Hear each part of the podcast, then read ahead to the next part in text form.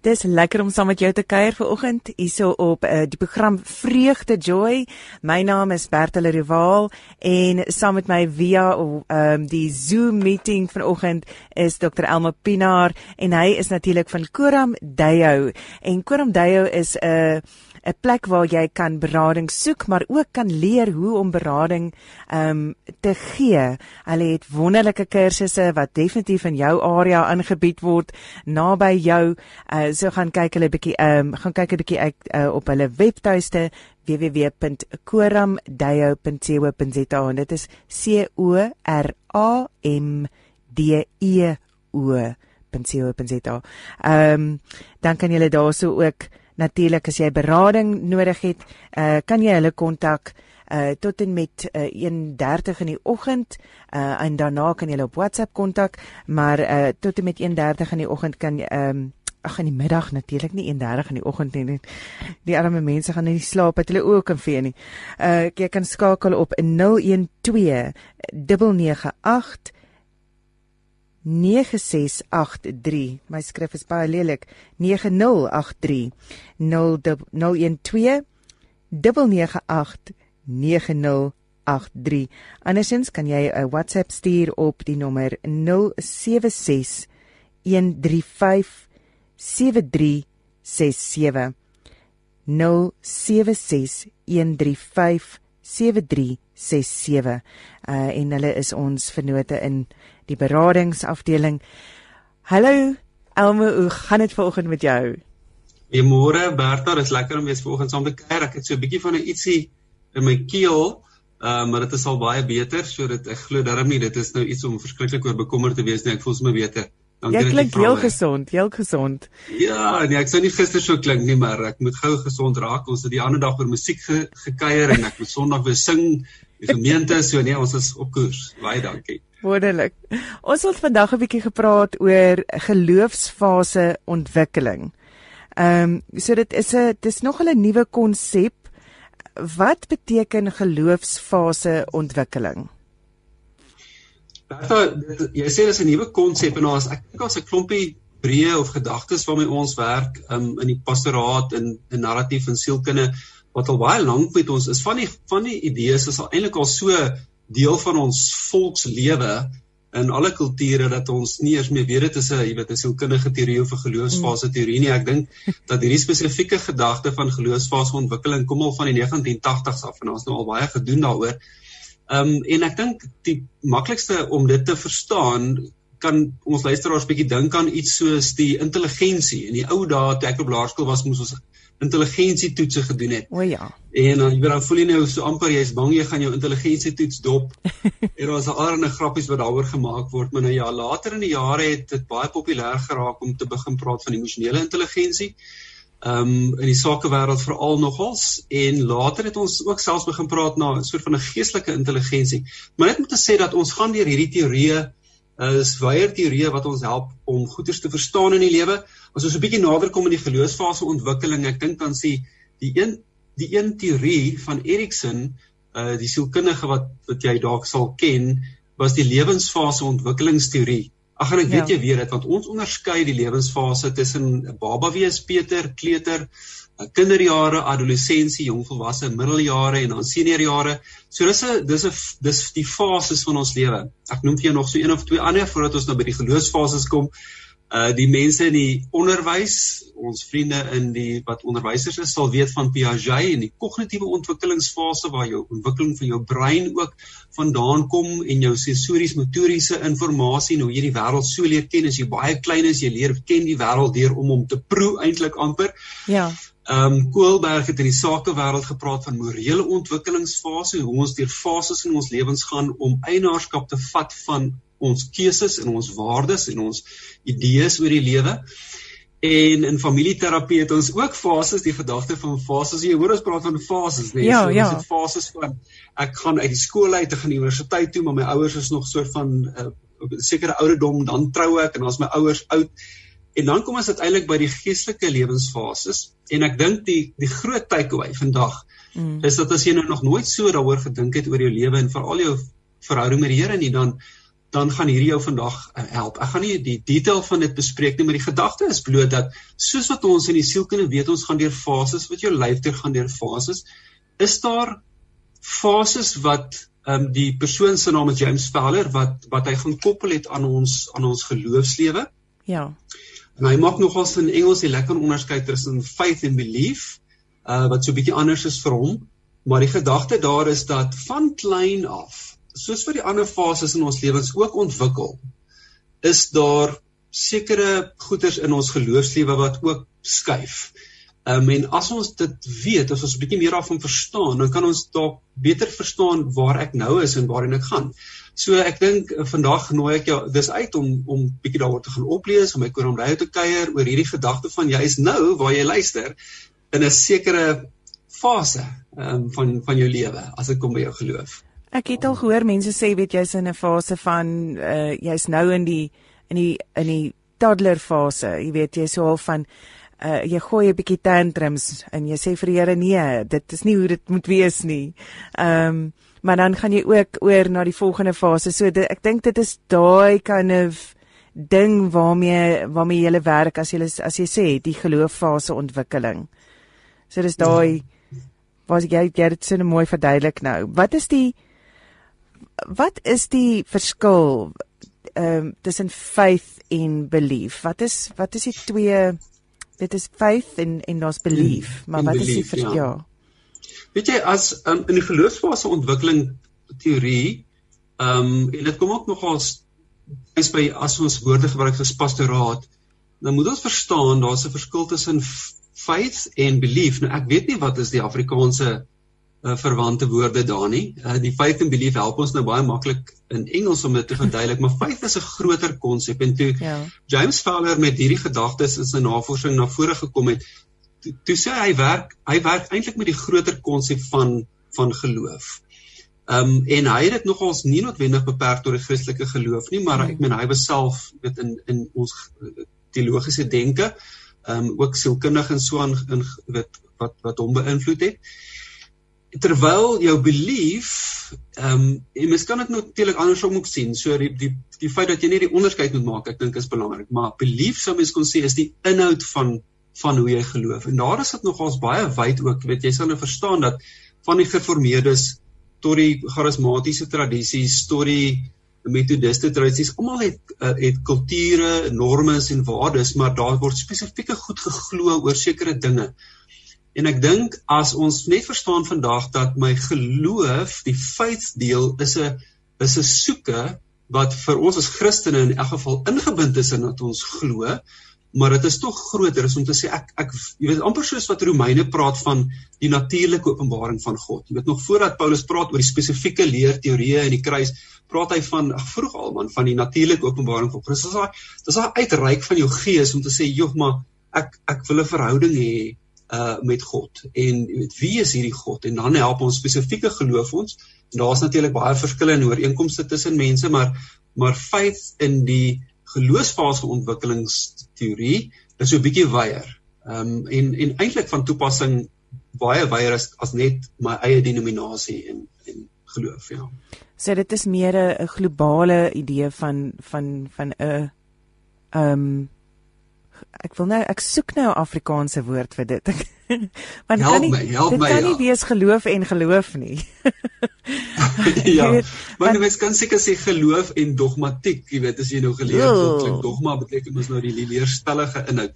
Maar ek ja. dink nie dit gaan dit heeltemal doen nie. Ja, nee, ek dink dit is uh, ja, faith is meer soos die die soeke na uh iets om leiding te gee, maar dit is ja, ja. dit is in my kop. So die fases waarna jy net te verwys het, nie, ehm um, is wat wat is die fases waarin ons in Christendom beweeg?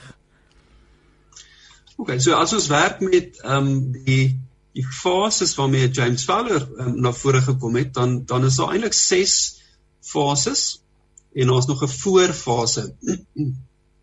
en dit is nie noodwendig fase van ons Christendom nie, maar dit hou daarmee verband. So ek wil nou nie vandag daaroor verder praat nie.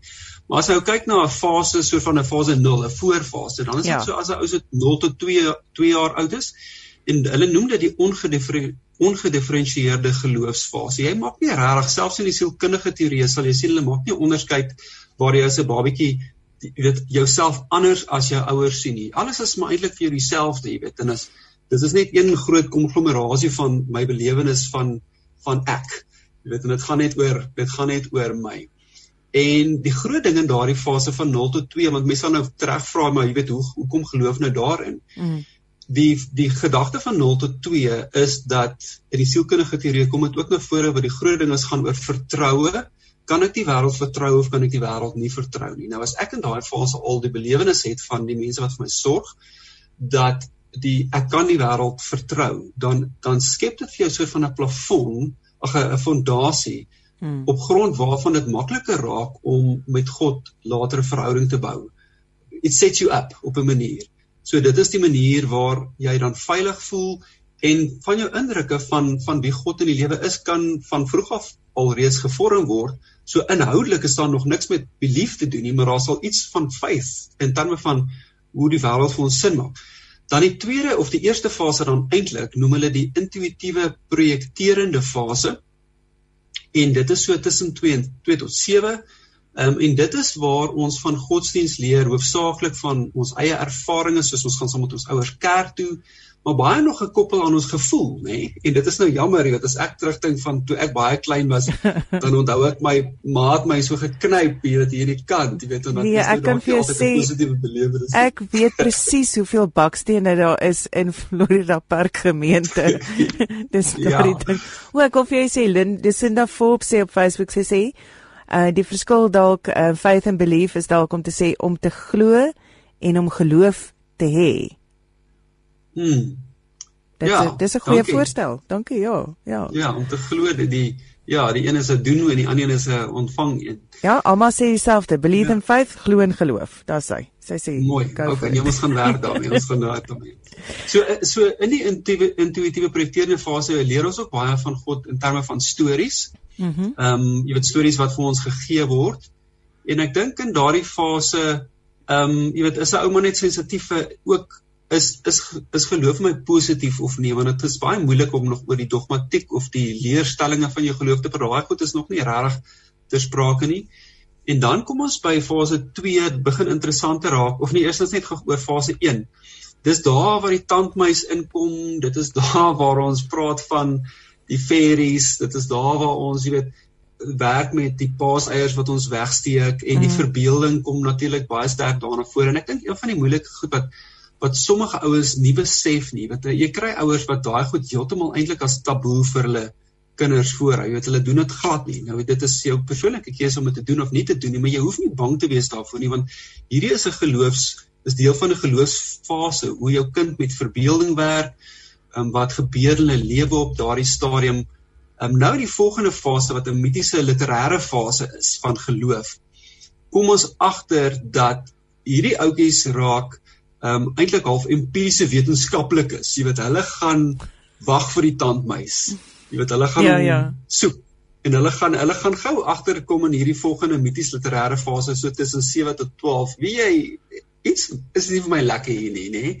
uh, my ma sê dit, maar die tandmeis dat of Kersvader dit of dat. So hulle kom baie gou agter dat jy weet dit is nie heeltemal soos wat dit is nie, maar hulle werk nog steeds op grond van stories en hulle kan nog nie buite die storie uh, staan nie. Hulle hmm. konsep van God hieso is baie uh, die geleerde woord is antropomorfies, met ander woorde menslik en en hulle sien God in terme van menslike eienskappe en dit is eintlik maar hoe dit is vir ons. Ek dink is ook ons as mense. Dis ook 'n tyd wat hulle kan wat wat wat die wat die verbeelding 'n plek het in in in hulle geloofs in in jou geloofsontwikkeling is daardie ouderdom want ek het my dogtertjie is nou 10 so sy slap in die middel van daardie ouderdomsgroep en um, ons het sy het gesê mamma daar's dit voel vir my asof iets my volg. Ehm um, en ek het vir gesê maar kom ons bid daaroor. Uh kom ons sit en ons vra vir Jesus um, om om daai gevoel weg te vat en ons het gebid en dit was weg en dit het, het teruggekom in 'n baie kort tydperk en ek het gesê maar dan hou ons net aanbid. En weet jy wat, hmm. ons vat die woord van die Here en ons gebruik dit as 'n swaard teen enige van daardie uh vyandige situasies. So die ja. dan begin die onderskeid kom tussen die tandmuis wat Ja, soort van hmm. eintlik dis maar net eintlik uh, onskuldige pret teen teen die ding van okay, Jesus is hier. Ek kan hom voel, ek kan verstaan, ek kan want daarna het sy nog nooit weer vir my gesê, "Mamma, ehm um, hier is iemand wat my agtervolg of dit voel vir my vreemd of iets is vreemd nie." Uh, en ja. en dit is wat ons met ernstig opneem in daardie fase want jy moet dan kan begin onderskei vir hulle ehm um, die krag van van iets wat jy nie kan sien nie teenoor die die opmaak storie teenoor op die ja die ja ja jy sien in daardie fase ook van ons kinders wat nog klein is ehm um, laerskool is die menslike kwaliteite van God jy weet ons is vir ons baie moeilik as mense om te dink oor God Jy weet en ons is baie geneig maar om God in boksies te wil plaas.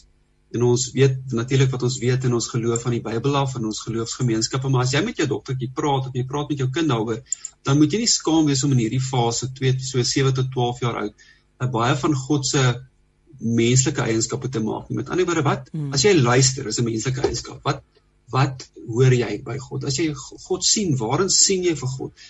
verbeel jy jouself dat God weet vir jou 'n drukkie gee. Kom ons praat met God. So dit is hoekom dit wat jy daar doen effektief is. Hmm. En dit beteken vir hulle nou nogals baie. In hierdie fase is die konsep van geregtigheid ook nogals belangrik. Ehm um, en dit is belangrik vir hulle om geregtigheid te sien gebeur. Jy weet, so as ja. die kinders se beklei, jy weet dan het dit so 'n bietjie van 'n refleksie op my verhouding met God ook as as as Boetie dit kry en ek kry dit nie en hulle is voorop moeilik om dit te verstaan, maar die maar die konsep van geregtigheid is is hierso ook um, baie belangrik. Ek dink ek wil net gou-gou daar ook inspring want die volgende vraag wat my kind nou dit hierdie is nou maande uitmekaar uit, maar wat sy het nou vir my vra gister is goed. So en dis nou kinders, nê? Nee? Want dit is maar ja. ons ook. Ons sy sê so as ons nou in die hemel kom, dan sit God op sy troon. Maar sy het nie gesê troon nie, sy het gesê stoel. En dan gaan ons ja. hom aanbid. En dan wat mamma? nou, sê, ja. nou sê ek vir okay my kind maar dit onthou nou dit gaan vir ons lekker wees om te doen. Sy sê maar gaan ons darm speeltyd kry? Gaan ons darm so dis daai tipe vrae wat nou begin opkom en ek het maar ek wat ek het vir gesê my kind ek kan eerlikwaar nie vir jou antwoord hoe die hemel presies lyk nie. Maar ons weet van wat daar staan in die woord van hoe die hoe die hemel gaan fisies lyk en en ons gaan nie honger hê nie. So jy gaan nie honger wees nie.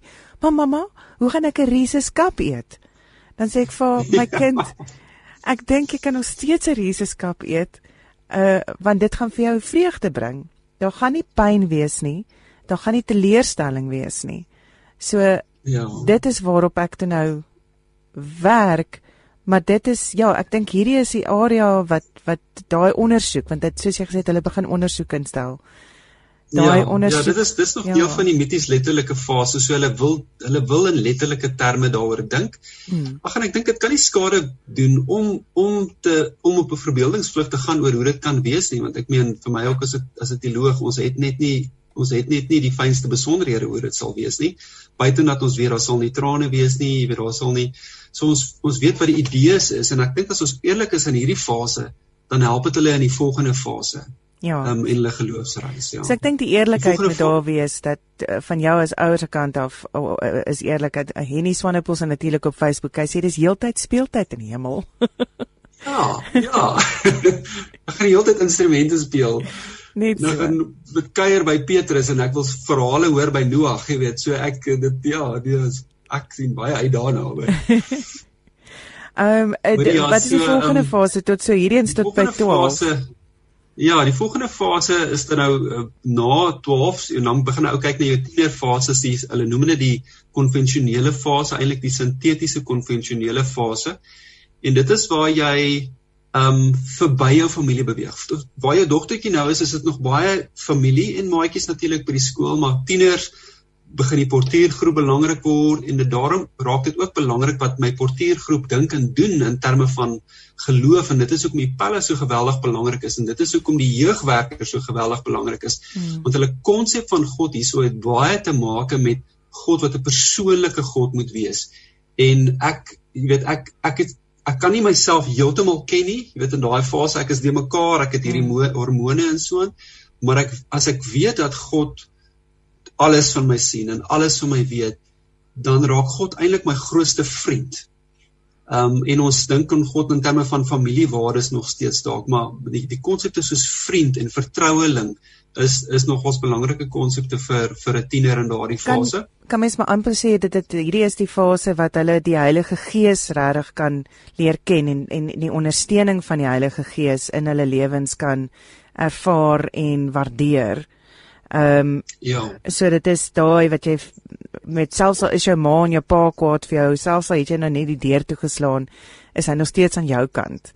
Ehm um, ek dink ja. dit raak meer oor die individueel ehm um, in daai fase van die lewe. Dit gaan oor let's face it, toe ons tieners was, was daar net een persoon wat regtig saak gemaak het en dit is dit is jouself. Soos jy jy sê dit maar ja. Ja, weet jy leer mos nou van dit en en jy weet beter en jy slimmer en jy weet meer en alles en so aan. So dit is daai ding wat uh, ek dink Wel, jy frons nou. Almo, was dit nie vir jou sê nie. Ek was nogal so. Ek het nee, beter geweet as my ouers op daai stadium. Ek weet nou dat ek nie beter geweet het nie, maar toe het ek gedink ek doen. Ehm um, en dit is daai ding van so jy as ouer kan in daai stadium kan jy gaan en sê luister, onthou net dat dit maak nie saak uh, wat gebeur tussen jou en my nie. Jesus is altyd daar vir jou. Ehm um, en dis wanneer jy uh, baie jare terug het 'n uh, Dominee Jaco van uh Constantia Klein gemeente het hy gesê weet hy laat sy kinders nie uit die kar uit klim voordat hulle voordat hy nie vir hulle gebid het nie. En ek dink dit ja. is belangrik om om jou as ouer, as jou kind glad nie met jou wil praat nie, hulle gaan jou nog toelaat om vir hulle te bid. So dan weet sê jy net daarso, dankie Here vir u beskerming oor my kind vandag. Dankie vir u liefde, dankie vir u genade. Uh en dankie dat u ons weer veilig by mekaar gaan bring. En gee vir hulle daai want jy sê reeds dankie. Uh met ander mm. woorde dit het reeds gebeur want dit is hoe Jesus ons gesê het. Uh bid hy dankbaarheid want dit het reeds gebeur. Okay, maar ons tyd raak nou min, so die volgende ja. fase ja. is dan net gou gesê dat uh, in hierdie fase is is jy weet tot so kom ons universiteitsouderdom as jy jy weet as mens nou so universiteit toe gaan so 21 of so en dis net belangrik om te besef dat ons glo maar soos soos die mense rondom ons glo in daardie fase. Jy weet, ons is nie krities oor ons geloof in hierdie fase nie. Mm. En dit is nogal so dat James Fowler sê dit is eintlik jammer dat baie baie mense op 'n manier vas by hierdie sinteties konvensionele fase wat nie regtig krities dink oor en ek dink krities nou op ek, ek praat daarvan op 'n positiewe manier om te bevraagteken ehm um, jy weet hoe, hoe die lewe werk en eintlik te gaan stoei en soos die psalmdigters gaan gaan sit net by die Here maar sê Here sê vir my hoe werk hierdie goeders? Want as jy dit nie doen nie dan sit jy met dan sit jy met klomp geloofsgemeenskappe waar mense nie regtig eienaarskap vat van hulle geloof nie en ek dink die uitnodiging by Koram Rayo en wat ons doen want ons hanteer hierdie ook in ons in ons program is is juis om te sê maar ag goed hier is hierdie fases en weet wat is van daai goed wat jy net so half doodgewoon aanvaar het van die samelewing, van jou ouers of en so aan en en hoe is jou eie geloofsreis met die Here hier ter sprake? Want die volgende fase is presies dit waar dit gebeur en hoekom ek nou noem van universiteit is want jy's dan baie keer weg van jou ouers af en daar gebeur goeters met jou en jy kom agter maar jou jou eie sin van autoriteit en gesagstrukture en die uitdaging van daai gesagstrukture is anders en dan begin jy eers vir die eerste keer werklik waar reflekteer. En as jy nie dan goed ingebind is in jou verhouding met die Here nie, weet nie mm. goeie pelle nie, dan dan kan dit jou op heeltemal op 'n dwaarspoor natuurlik uh, lei. Maar dit is goed so dat jy reflekteer. Dit is goed so dat jy vra, maar wat beteken hierdie geloofs idees vir my? Ehm um, en dit is waar ons wil uitkom uiteindelik in ons in ons geloofsgemeenskap en, en trouens ek dink dit is die rol van 'n predikant. Jy weet, dit is waar jy moet begin om te sê maar hoe kan ek hierdie mense help om verby 'n sinteties konvensionele fase te beweeg? Ehm um, waar dit, dit waar hulle nooi om aktief te reflekteer oor wat in hulle lewe gebeur hulle geloofsverhouding gebeur. So dit is die vierde fase, die individualist en die indi, nee, dis nie individualisties nie, die individuate reflective ek dink is die woord daar. Die reflekterende uh, fase, kom ons noem dit. Ja, jy sê maar net reflekteer, maar jy dit jou eie ding maak. Ja, wanneer jy dit ja. jou eie ding um, probeer maak, maar ek dink uh, aan die begin van die fase wat jy gesê het was net dit is wanneer jy so half jy is sinteties gemaklik met die geloof wat om jou is. So ja. weet dit is dan belangrik om te sorg jy as ouer uh om te sorg dat jou kind in aanraking is met iemand wat cool genoeg is um om vertrou te kan word met 'n uh, 'n oop kop met die vrae wat gaan kom. Uh, ja, ek dink as jy ja. verstaan wat ek bedoel, dit is jy jy jy is ouer kan daar wees vir hulle. As jy daai verhouding het, is dit fantasties. Ehm um, en andersins is dit is dit moontlik om iemand in plek net daar te stel. Ehm um, met ander woorde iemand van jou selgroep of iemand van jou gemeenskap, iemand van jou kerk wat daar is en beskikbaar is en in so 'n verhouding is met jou kind dat hulle sal vra vra, dat hulle vrymoedig genoeg hmm. sal voel om vrae te vra. Weet dat hulle kan vra, Maar wat is nou die verskil tussen Christendom en Boeddhisme? Want ons altyd doen tog goed, jy weet, altyd het sy se einddoelwit is goed en so aan. Weet so, jy gaan daai mm. vrae kry. Ehm um, en en dan om net te gaan, ag my kind, dit is sommer nou net weer estetiese nonsens en mm. en so aan. So dit weet jy, is jy kan jy kan die hartjie daar is uh, Bertha, jy kan amper nie daai vraag antwoord as jy nie alreeds ietsie van 'n vlak 5 uh, in jou in jou eie geloofsreis is die wat hulle praat van 'n samevoegende geloof of 'n conjunctive faith waar jy besef maar jy weet jy moenie net die vraag van die tafel afvee nie. Uh want daar's daar's vrae waar waar rondom jou kind moet betekenis maak in die lewe en as jy dit net van die tafel afvee dan beteken dit jy is nog self eintlik half op 'n op 'n ander fase in jou lewe wat jou geloof aanbetref. Ja. So die samevoegende fase is die volgende fase. Ons het nog 3 minute. Ja. Ek sal op praat. Ja. Ja, ek weet jy ja, so die samevoegende fase is waar ons eintlik vir die eerste keer agterkom maar weet jy ander mense het ook perspektief in die lewe en hulle hulle reis met die Here is net so geldig soos my my reis. Hulle hulle dink dalk bietjie anders oor sekere goed in geloof, maar daar's vir hulle plek in die lewe en ek dink dis die belangrike ding. Die reflekterende fase kan nog baie selfsugtig wees as die vorige een en ons weet baie mense dink nog baie persoonlik oor hulle geloof. Mm. En hoewel geloof eintlik baie verder gaan as dit, jy weet. En uiteindelik by vlak 6, en dit is nie eintlik trappies nie, ons kan dit op 'n ander dag bespreek. Maar by vlak 6 kom 'n ou regtig agter, soos eintlik soos die koninkryksgedagte dat die lewe nie oor my gaan nie en dat die lewe gaan oor mense met verskillende perspektiewe en idees en dat ek werksaam is in die groter koninkryk waar God my wil gebruik, waarna ruimte is vir almal. Mm. Ehm um, so dit is ag ek dink dit gee sit 'n lekker greep vandag om te besef maar daar is fases en ek nooi ons luisteraars uit om meer daarvan te leer. Ehm um, ons het April het ons so kort oorgangskursus na ons lang program toe. Ek moet eintlik van die begin van die jaar af begin en as ons dan begin, as hierdie kort kursus bywoon dan die volgende ding wat ons doen is hierdie geloofsfase ontwikkeling. So hulle moet gerus uitreik en dan dan as hulle meer oor hierdie wil leer en dan dan bring ons hulle aan boord. Absoluut en jy reik uit daarso op hulle webtuiste koramdeyo.co.za C O R A M vir mamma D E O.co.za en dit is 'n lekker manier om net 'n bietjie meer uit te vind en as jy voel jy wil meer leer oor 'n verhouding met die Here, ek dink is dit 'n goeie kursus. So daar is tyd tot April om in te skryf, is ek reg? Jy is reg. Nou sê, baie dankie dat jy saam met my gekuier het vanoggend. Uh dit is Dr Elmo Pinaar van Koram Deyo uh en my naam is Bertel Rival. Dankie dat jy saam met my gekuier het hierdie week. Ons maak volgende week weer so. Shalom.